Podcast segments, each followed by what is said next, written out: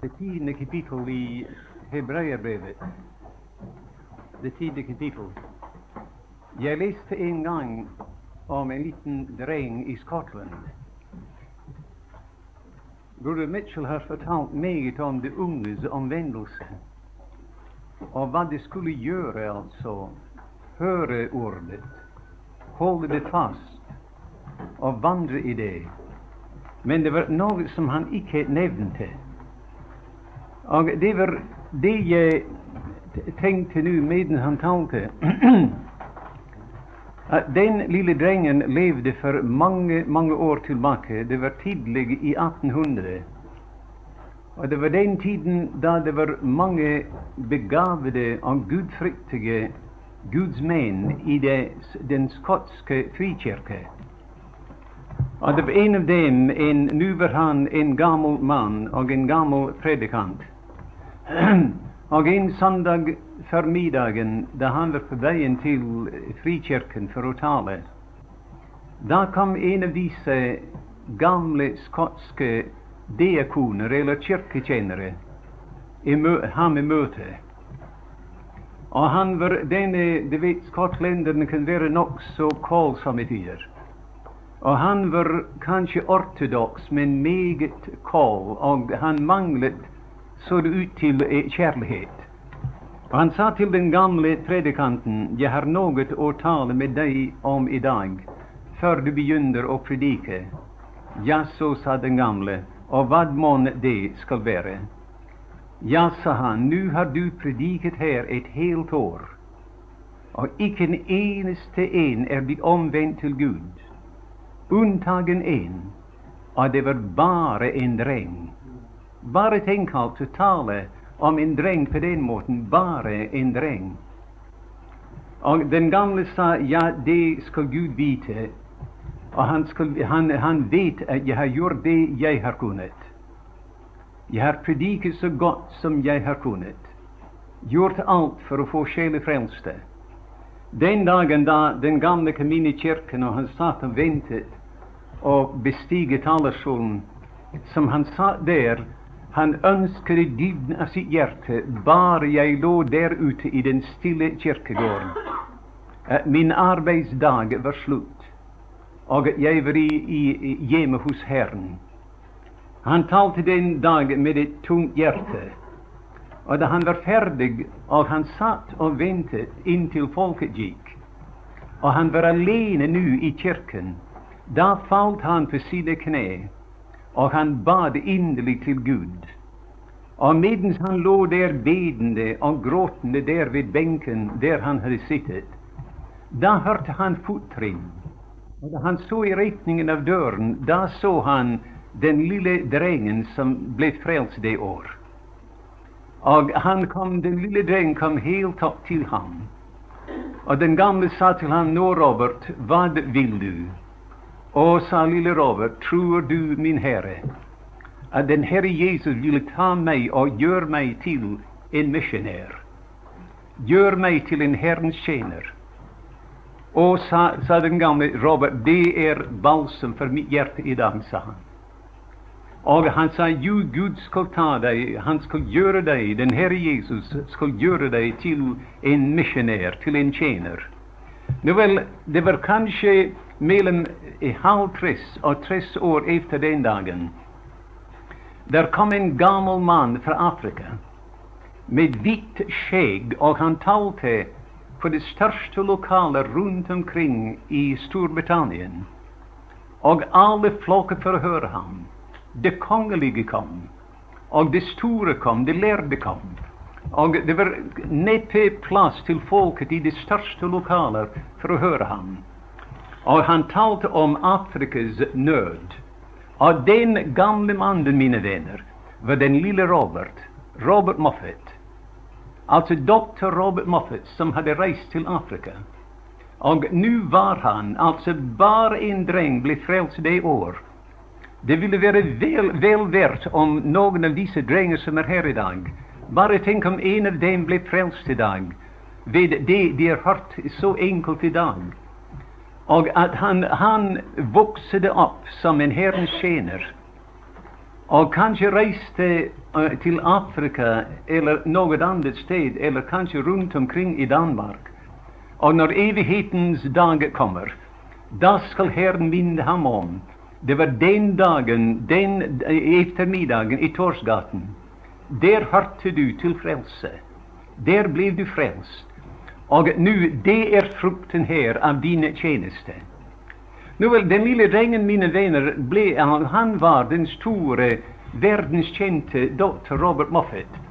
Og en dag mens han talte i England, da kom der en ung mann til ham og sa doktor Moffat, jeg skulle ha reist til Kina som misjonær, men der er, opiumskrigen er i Kina, og jeg kan ikke, vi kan ikke komme inn i Kina.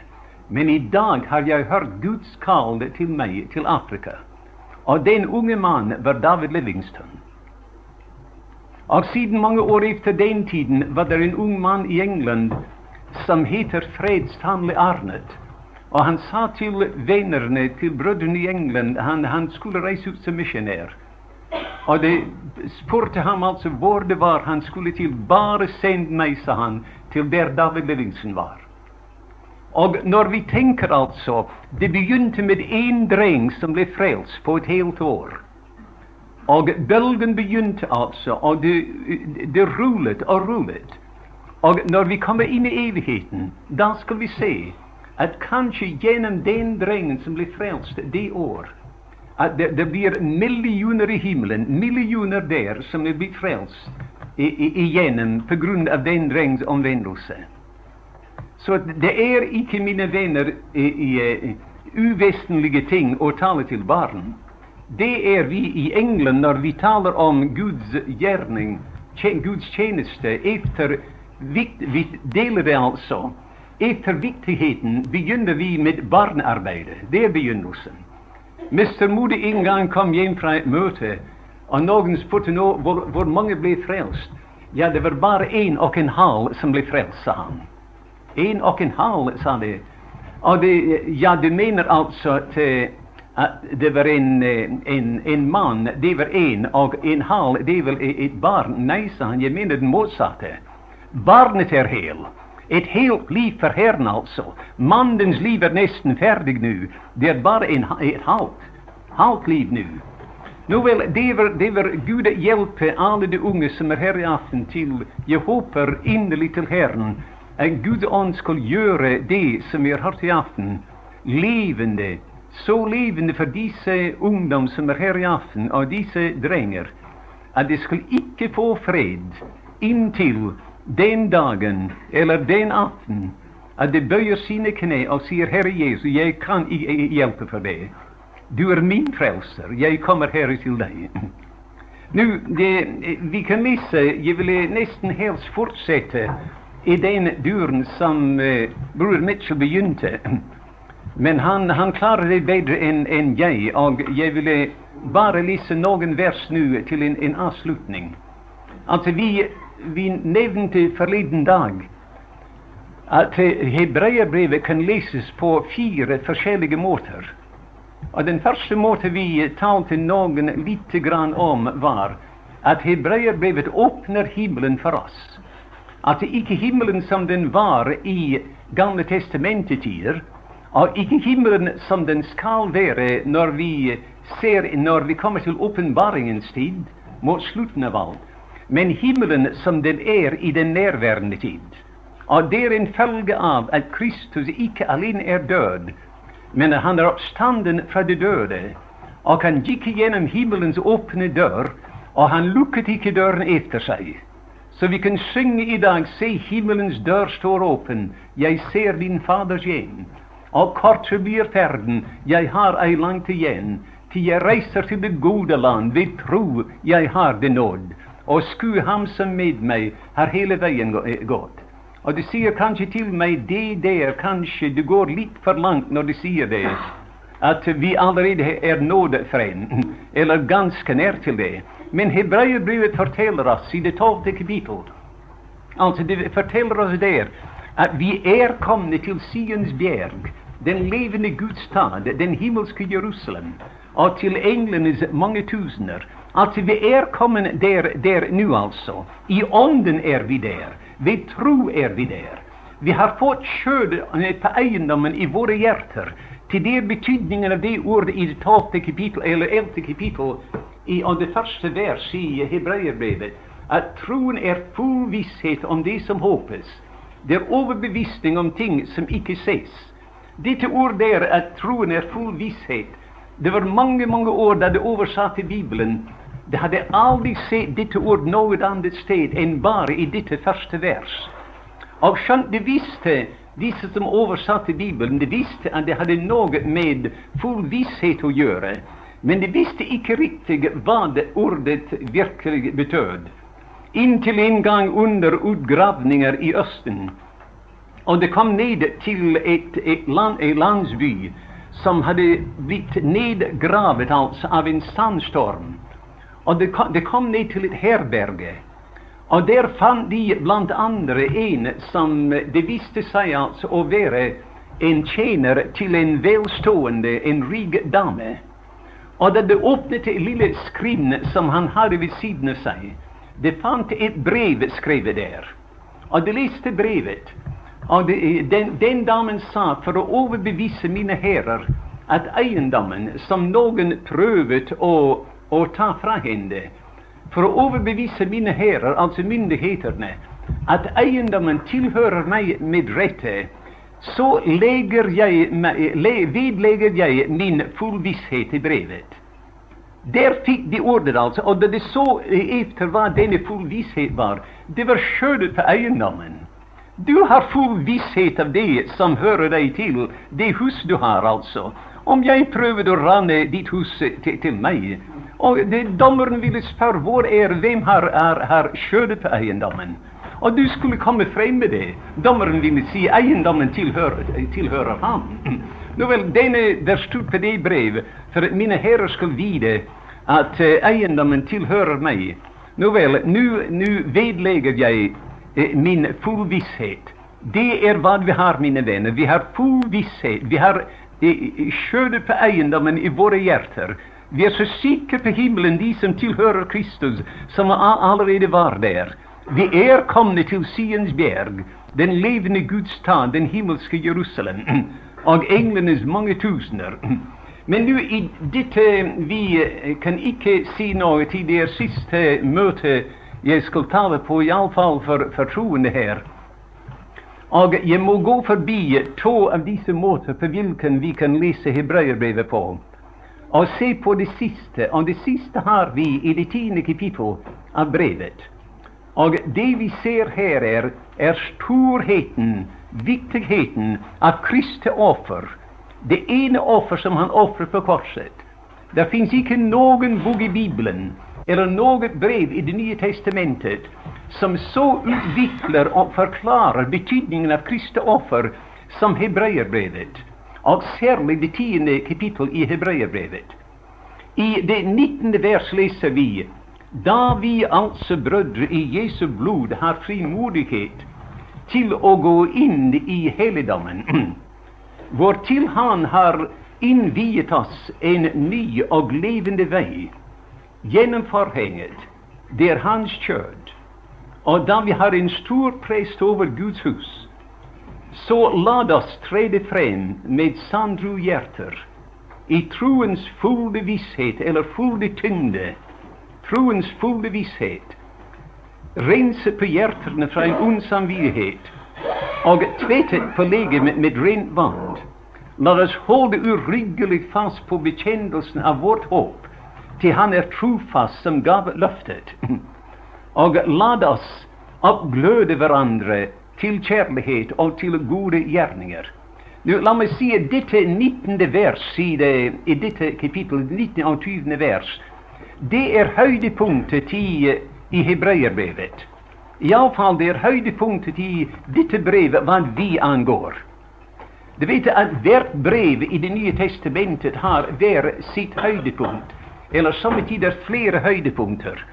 Høydepunktet i, i Romerbrevet er det 30. vers i det 8. kapittel, der apostelen sier dem som han forutkalte, dem har han rettferdiggjort. Og dem som han rettferdiggjorde, dem har han herliggjort. Du og jeg ville ha skrevet dem skal han herliggjøre, men alt er skrevet i fortiden. Dem har han herliggjort. Og da han, apostelen kom så høyt, da stanset han. Og han sa, nu, hva skal vi da si til dette? Det var som om apostelen sa, jeg er aldeles målløs. Jeg kan ikke si noe til dette. Alt jeg kan si er, er Gud for oss, hvem er da imot oss? At det er høydepunktet i romerbrevet. Og vi kunne ikke komme høyere i romerbrevet enn det. At dem som han rettferdiggjorde, dem har han herliggjort. Høydepunktet i Efeserbrevet er det sjette vers i det første kapittel. Der står der altså til pris for sin nådes herlighet, som han gav oss i den elskede. Høyere enn det, mine venner, kan vi ikke komme nå. Høyere enn det kan vi ikke komme når vi kommer til himmelen. Vi kan ikke komme høyere enn det i rikets herlige dag eller i evigheten selv. Vi kan aldri komme høyere enn det, til pris for sin nådes herlighet, som Han gav oss i den elskede. Har brakt oss inn der i den samme yndest hos Faderen som Sønnen er. Nåde altså i den elskede. Og jeg skulle gjerne, mine venner, det er ikke det jeg skal si noe, noe om. Men jeg skulle inderlig gjerne hver eneste troende her i dag ville bede over et sånt vers som dette. Og du ville prøve å leve deg inn i et sånt vers som dette, til pris for sin nådes herlighet. At jeg altså er brakt inn overfor Faderen i den samme ynde som Sønnen står i. At det går, går over alt som heter forstand her nede. Forstand kan ikke fatte det det er til pris for sin nådes herlighet, som Han gav oss i den elskede. Les det og grunn på det, og bede over det og gråt over det, altså, i Guds nærværelse, inntil det blir gjort levende for deg, levende for hjertet ditt. Det er på den måten vi kom i disse ting. Denne eh, verdenskjente James Gray, han var en av de best kjente predikanter i Amerika tidlig i, eh, i, i midten av 1800. Han levde som en ung mann iallfall, samtidig med modet. Men han forteller i en av sine bøker at som en ung predikant kom han til Chicago til en konferanse som de hadde der, som de hadde regelmessig hvert år. Og han kom der, og han ble nødt til å være sammen med en, en troende mann, en troende forretningsmann. Og han var hos ham hver dag, og veldig meget også om dagen. Og han sa jeg så noe hos denne troende forretningsmann'. Han var ikke en predikant. Han var simpelthen en alminnelig troende, en troende forretningsmann, altså. Men jeg så noe til den manns liv som jeg aldri hadde sett i noen andres liv. Og jeg selv, sa han som var predikant, var fremmed for det jeg så i ham. Der var en fred og en hvile og en glede som hvilet over ham, som ikke jeg kunne fatte eller forstå. Og da vi ble bedre kjent, da spurte jeg ham om han ville si meg hemmeligheten til deg. Ja, sier han, det skal jeg. Han sa for så mange år tilbake var min familie og jeg ute på landet. Og jeg reiste ut der om søndagen. Og så han en søndag Det var ikke noe, møte, møtesal i nærheten. Og en søndag tok jeg i lommen min et eksemplar av Efeserbrevet. På engelsk kan man kjøpe hver eneste bok i Bibelen, altså hver for seg. Og han gikk, han, jeg tok et eksemplar av Efeserbrevet, og jeg gikk utenfor huset og inn i en liten skog, og jeg la meg under et tre. Og jeg begynte å lese Efeserbrevet. Og jeg leste det første kapittel, og jeg gjorde det som jeg ikke før hadde gjort. Jeg fortsatte å lese inn i det andre kapittel. Og jeg så en sånn sammenheng da jeg leste altså inn i det andre kapittel, at jeg fortsatte å lese og kom inn i det tredje kapittel. Og jeg sluttet ikke før jeg hadde lest hele Efeserbrevet igjennom, der jeg lå. Og jeg så en så vidunderlig sammenheng altså i det brev som taler om himmelen og himmelen i Kristus, og at vi er satt der, at jeg gikk tilbake og begynte om igjen og leste hele Efeserbrevet en gang til. Og han sa før jeg stod opp fra der jeg lå, da hadde jeg lest igjennom Efeserbrevet enten var det 12 eller 15 ganger der han lå. Men, sa han, da jeg stod opp, da var jeg satt i himmelen i Kristus, sa han. Altså hva han mente var Nå var det som jeg hadde lest så ofte i Efeserbrevet, nå var den bleven til en virkelighet, en erfaring i min sjel. Jeg var satt i himmelen i Kristus. Og han sa den gangen fikk jeg en glede som jeg ikke har tatt. Og aldri skal jeg tappe den, sa han, så lenge jeg lever. Og dr. James Gray sa den mannen der han, Gray hadde vært igjennom skolene, igjennom predikantskolene. Men der var en mann, en alminnelig troende, som lærte ham det, som var, var vendepunktet i, i hans liv.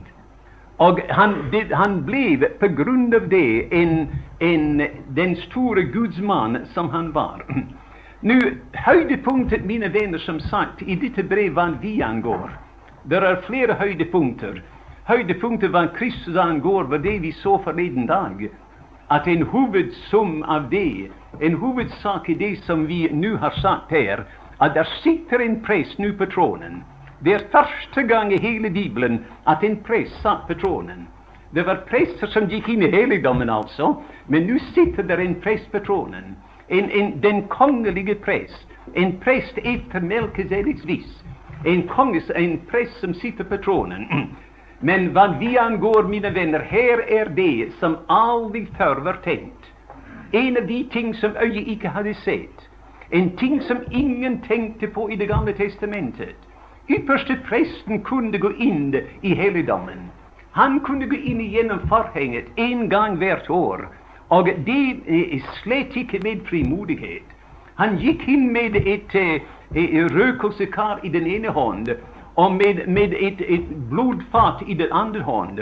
Og han tok sin finger og stengte en dråpe blod på nådestolen og dyppet sin finger syv ganger i blodet og, og, og stenke det syv ganger foran nådestolen. Og siden meget alvorlig vendte han seg og gikk ut, ut igjen utenfor helligdommen og kom ut til folket og velsignet dem. Men her, mine venner, i den nærværende tid skjønte ikke David, ikke, ikke, Samuel, ikke Daniel, den gudfryktige, elskede Daniel, og ingen av disse profeter Ingen av dem kunne gå innenfor helligdommen, innenfor forhenget. Og du og jeg i dag, som ikke engang er av Israels hus, du og jeg som er, er hedninger av fødsel, og blir omvendt til Herren, vi altså har frimodighet til å gå inn i det aller helligste. Når jeg tenker på det her, altså, når jeg tenker på menn som Daniel og som, som Samuel og disse gudsmenn. Jeg, jeg ville gjerne, mine venner, bøye meg ned og vaske deres føtter. Jeg er ikke verd å sammenlignes med dem når det gjelder altså gudhengivenhet og, og, og slik som, som en troende, altså. Men her i dag, du og jeg, altså uverdig som vi er, vi har frimodighet til å gå inn i det aller helligste og disse gudsmenn måtte være utenfor. Nå, hva er det, eller hva var det som gjorde den veldige forskjell? Hva er det, mine venner, som har gjort denne forskjell? At de måtte holde seg utenfor, og du og jeg kan gå inn innenfor med frimodighet. Det er ikke vi er bedre enn dem, aldeles ikke, altså. De var meget, meget bedre og mer gudfryktige enn kanskje noen av oss som er her i dag, var. Men jeg skal si deg hva det var som gjorde forskjellen. Det var offeret. Det var det, det ene offeret som ble ofret. Begynnelsen av dette tiende kapittel her er meget trist. Til det begynner med at de ofre som det ofret så mange ganger den gangen, det kunne ikke engang gjøre dem fullkomne, fullkomne etter samvittigheten som kom frem med dem. Men bare, som apostelen sier her, det var bare en minnelse om, en minnelse om at synder fremdeles var der. Synderne var ikke borte. Og disse ofre bare gav dem en minnelse om at synderne var fremdeles der. Jeg tenker ofte på de, eh, som, de troende som levde den gangen. Det lignet en kjøpmann som lever i dag, og kanskje mange av dem er i København. En kjøpmann som han får en meldelse, en melding fra banken at en anvisning forfaller til betaling. Men han, han, eier ikke penger, og han kan ikke betale det. Nå, hva, hva kan han gjøre? Jo, han kan skrive på en veksel. Iallfall det gjør det i Norge. Og han leverer vekselen inn til banken. Men den vekselen, mine venner, betaler ikke gjelden. Den veksel bare erkjenner jeg skylder banken det. Og det som skjer, er at som tiden går det, Når han skriver på denne veksel, kanskje flere ganger årlig, eller år etter år, det blir større og større, mer og mer, til rentene føyes til. Og, og som tiden går, og disse veksler Han ligger om nettene, han tenker på vekslerne. Og det er veksler, altså. Og han får ikke fred. Og da kommer der endelig en rik venn fra Amerika som har tjent mange dollars. Og han hører om han for, eh, De samtaler, og han forklarer alt sammen om det her. Nå vel, sier denne vennen, nå må de være forbi med vekslerne. Du skal følge med meg til banken i morgen. Og de går til banken. Og han betaler nå. Han kommer inn. Han har noe helt annet enn en, en veksler. Han har dollars. Han kommer inn der, og han tar det første bort, og han innsetter det annet. Han kommer der, og han, han, frem, han legger ned på disken til kassereren Han legger der dollarsedler. Eller iallfall penger legger han ned. Og gjelden er betalt. Og den mann kan gå hjem nå. Han kan sove godt om nettene. Han behøver ikke være nu irritert av disse stadige veksler. Ah, mine kjære venner, vår rike venn og den rike mann var den Herre Jesus. Han kom ned fra himmelens herlighet til denne verden. Og da han kom ned her, nå sa han nå er det forbi med vekslerne. Nå er det forbi med at vi får en mildelse, en melding om at synderen er der. Og hvordan gjorde han det? Jo, han tok det første bort. Ikke lenger blir det ofre av, av, okser og kalver og bukker og slik. Han tok det vekk, det første bort, og han innsatte det andre. Som vi hørte i går, et legeme har du beredt meg. Og han gikk i dette velsignede legeme, mine venner, som ikke var som noe annet legeme. Det var virkelig menneskelig legeme men det var ikke spor synd i det legemet. Og han gikk til Golgata, og han ofret sitt legeme der, en gang for alle. Det er slående lenger ned i det kapittel vi leser at disse prester, hver prest, leser vi, stod daglig stod daglig og ofret det samme offeret som dog aldri kunne bortta sønder. Jeg kan tenke, mine venner, den gangen det var 40 år i ørkenen. Det var år etter år og århundre etter århundre i landet. Og det kom der, og det ofret og det ofret. Og den prest som begynte sin gjerning da han var 30 år gammel, nå er han en, en mann med grått hår og, og, en gammel mann. Og han tenkte kanskje mange ganger bare jeg kunne si at gudskjelov, nå er dette her det siste offer, og nå kan jeg sette meg. Nei, mine venner, han stod i dag, og han ville stå i morgen. Og om han ofret ennå ti eller tyve år frem, fremover i fremtiden Han stod daglig, daglig altså. Det var ingen stol i tabernaklet for, for en prest. Det var bare en eneste stol, og det var nådestolen. Og det var Gud som trånede på nådestolen. Men den prest kunne aldri sitte, til hans arbeid var aldri ferdig. Han kunne aldri si 'Gudskjelov, nå er det fullbrakt'. Men mine venner, i motsetning til alle disse prester, da kom en annen prest. Og han ofret et eneste offer for sønder og for alltid satt seg ved Guds høyre hånd. Han ofret sitt offer, og han satt seg. Og der sitter han den dag i dag. Og han behøver aldri å stå opp, iallfall når det gjelder å ofre et annet offer. Det siste offer er, er offeret. Og du skal finne om du går igjennom tiden er slik at jeg har ikke tid til å lese eh, så meget. Men du skal finne tre ganger over står der 'ikke mere', 'ikke mere', 'ikke mere' i dette brev her. Altså Den første er det er ikke mer synd på våre samvittigheter. Det andre er det er ikke mer offer fra Kristi side. Det tredje er det ikke mer ihukommelse fra Guds side. Han sier, 'Min sønn, min elskede, du har gjort alt så fullkommen og til mitt hjertes glede og tilfredsstillelse da du ofret deg selv. Sett deg ved min høyre hånd. Og jeg skal aldri i evighet komme de sønder i hu som du gjorde deg selv ansvarlig for, og som du bar da du hang på korset. Alt sammen, mine venner, ble ordnet da. Og når vi kommer såpass langt, da kommer vi til høydepunktet. Nå sier Gud, nå kan jeg åpne forhenget. Du husker hvordan vi får ingen forklaring her, ingen beskrivelse om det aller helligste her. Vi får en beskrivelse. Den beste jeg kjenner til, altså, er i Lukas 15. Og du husker der i Lukas 15, da den forlorne sønn var der inne, og du sier han var en meget stygg ung mann. Jo, det hadde han vært. Du sier han hadde pjalter og, og filler på seg da han kom tilbake fra svinene der i landet som er langt borte, og det er sant. Men se ham nå, mine venner, der han sitter i Guds nærværelse, ikledd disse rettferdskleder, i Guds nærværelse ved hans plass og hans hjem, og han sitter der. Hva er det vi hører der og finner der? Hva hørte, mine venner, denne religiøse fariseer, altså den eldste broder, da han nærmet seg huset? Han hørte bare glede. Hvis glede var det. Det var Faderens glede. Det er hva vi møter når vi kommer inn i det aller helligste.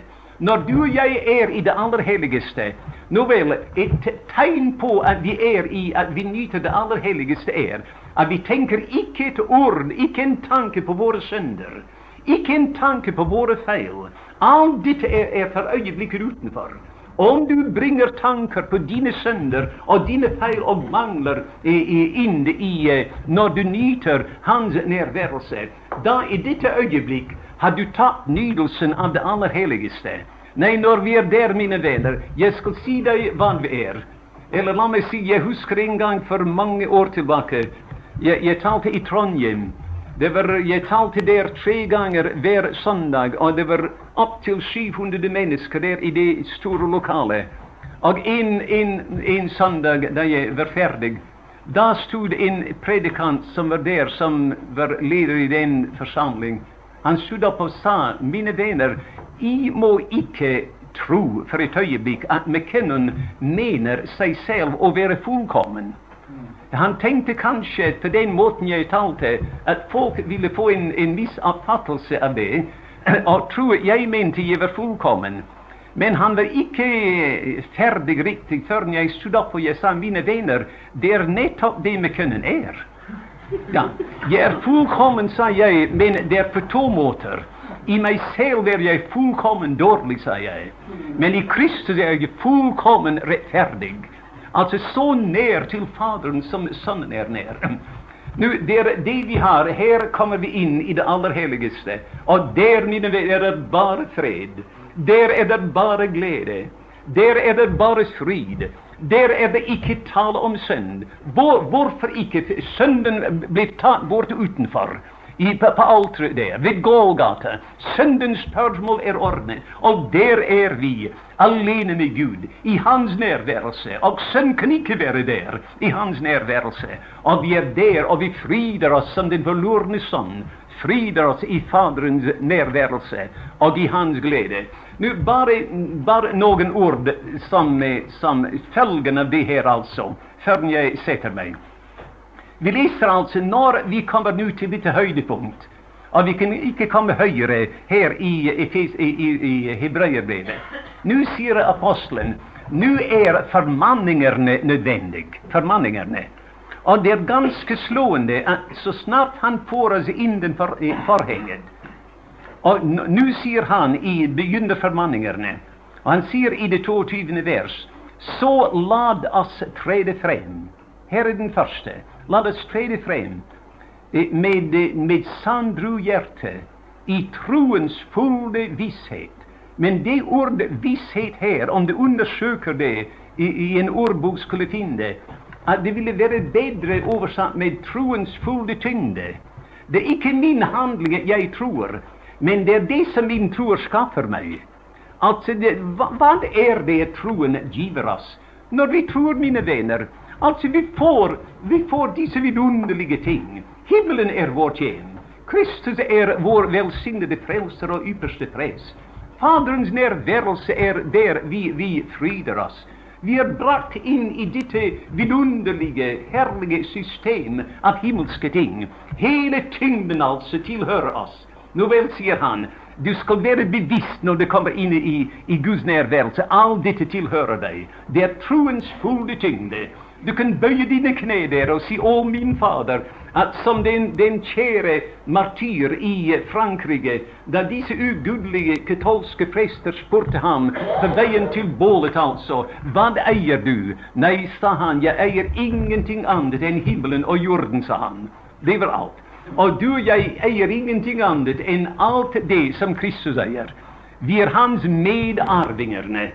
Og vi skal dele alt sammen med ham. Nå vel, vi kommer der inn i Guds nærværelse, i troens fulle tyngde. Vi skal trede frem.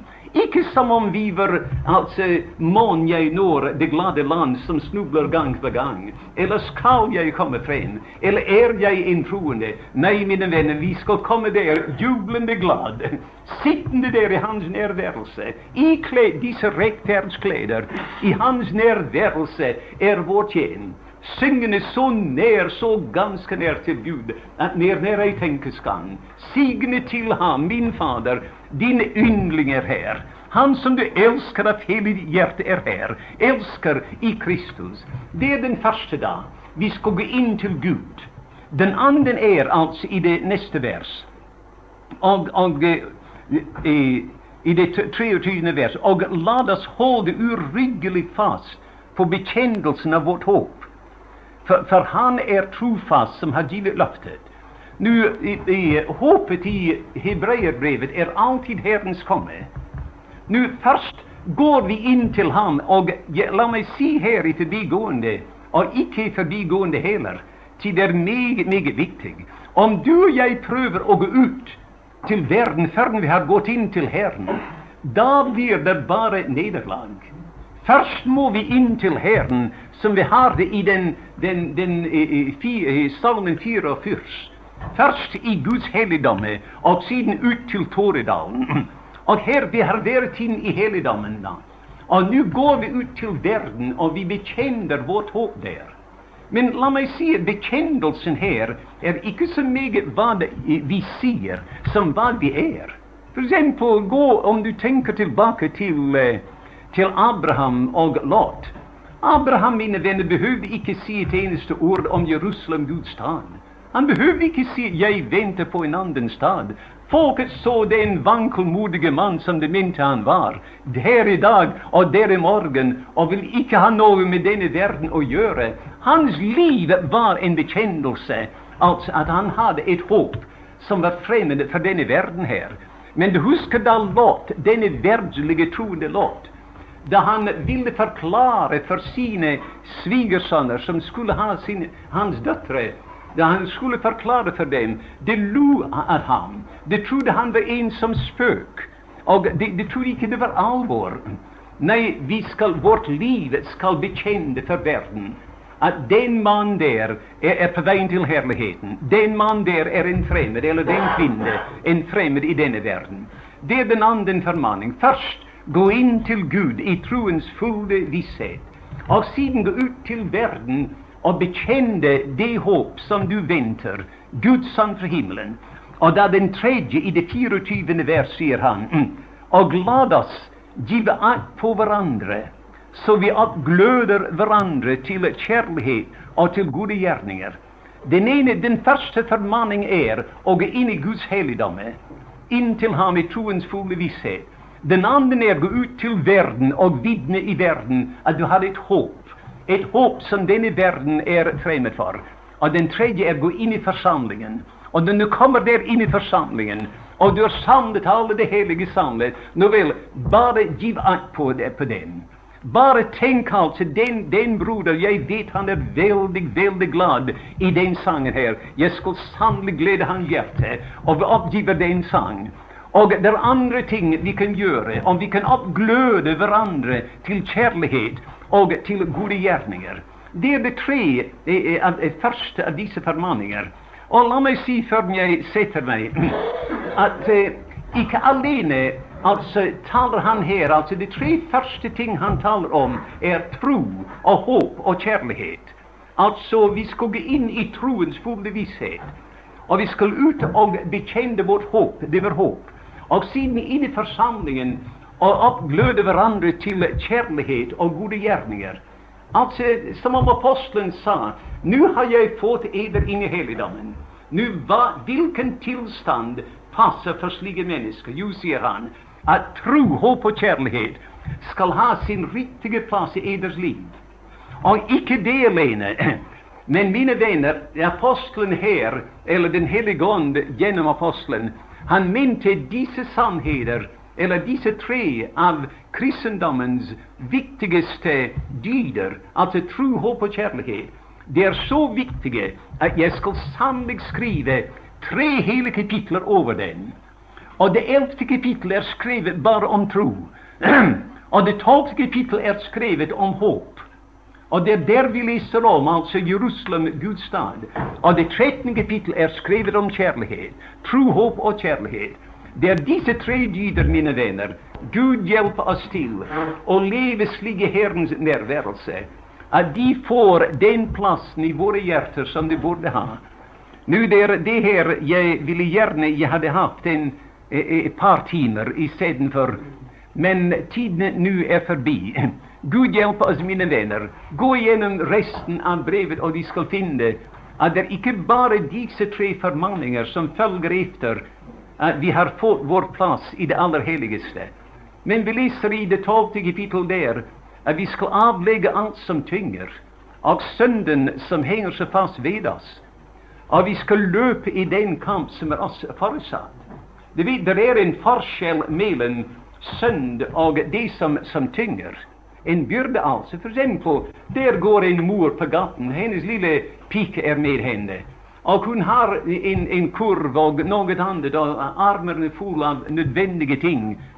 Brød og andre nødvendige ting. Hun hører skrik og larm, og hun ser seg om. Og her ser hun hennes lille pike har vært ute på gaten og ble eh, slått ned av en bil eller en, en, eh, en sykkel eller noe slikt. Den kvinnen, mine venner, sier ikke disse, disse tyngder jeg har, disse byrder, det er ganske riktige, og jeg kan ikke, det er ikke synd for meg å ha dem, og jeg skal ikke legge dem vekk. Hun øyeblikkelig legger alt som tygger henne ifra seg, og han løper der, hun løper der for å få tak i barnet. Altså ting som tynger oss, ting som hindrer oss. Det kan være musikk, det kan være lesning av bøker, det kan være selskaper. Hva som helst som hindrer oss i å nyte tiden i Hans nærværelse. Den tingen, hva enten det er synd eller altså Jeg mener, jeg taler ikke nå om synd, men den ting, mine venner, hva enten det kan bevises at det er galt eller ikke, vi burde legge den ting til side. Til jeg skal si dere at om det ikke er synd å ha en tyngde og en byrde, dog synden er nokså nær når vi har det. Og derfor, for å gjøre avstanden mellom oss og synden større, vi legger det avside som, som, som eh, tynger oss. La meg bare illustrere før jeg er helt ferdig. Du husker, eller, om du hadde vært på Finnmarken, der jeg har vært mange ganger, og det er lange veier å gå, og ofte er, er det en som En av disse lapper, altså. Han, han reiser langt på ski eller, eller noe slikt for å få tak i, eh, i uh, nødvendige ting til hjemmet. Jeg har sett dem med veldige bylter på ryggen, altså, som ikke kanskje to av oss kunne bære. Og, eh, men som han går der, og han kjører for full fart, altså, så godt han kan, med denne byrde. Nå hører han det er et meget velkjent lyd der oppe. Han hører altså i, i, i lyden av ulver, en ulveflokk som kommer etter ham. Han vet det er langt borte, men om en liten kort stund skal være innpå ham. Nå, hva gjør den mannen, mine venner? Jeg skal si det uten betenkning, uten å resonnere om den byrden her. For å gjøre avstanden mellom seg og ulverne større og større. Han kaster alt som tynger, ifra seg for å komme frem, fortere frem eh, til hjemmet. Det er hva apostelen mener. Han sier nå avlegge alt som tynger. Ti om de ikke gjør det, ungene blir innpå deg med, med, kanskje meget før enn en du aner eller du kjenner. Og vi legger disse ting til slutt fra oss. Min kjære venn, troende unge mann eller kvinne, om du mener, om du føler at disse bøker jeg leser, hindrer meg å nyte Guds ord, og hindrer meg i å være i Guds nærværelse, slutt med dem øyeblikkelig. Og om, om, du mener at den ting som du har kastet deg over, og mener du må lære og du, du må lære det koste hva det koste vil, men du føler at det der tar min tid fra meg, altså, som jeg burde give til, til Guds velsignede ord, og til bønn og nydelsen av Hans nærværelse. Legg hver eneste ting avsides som, som tynger, og kast deg over disse velsignede ting, altså. Det ting som hører Kristus til, himmelen til, evigheten til. Og du skal aldri i evighet angre den bestemmelse. Må Gud da skrive sitt eget ord inn på alles våre hjerter.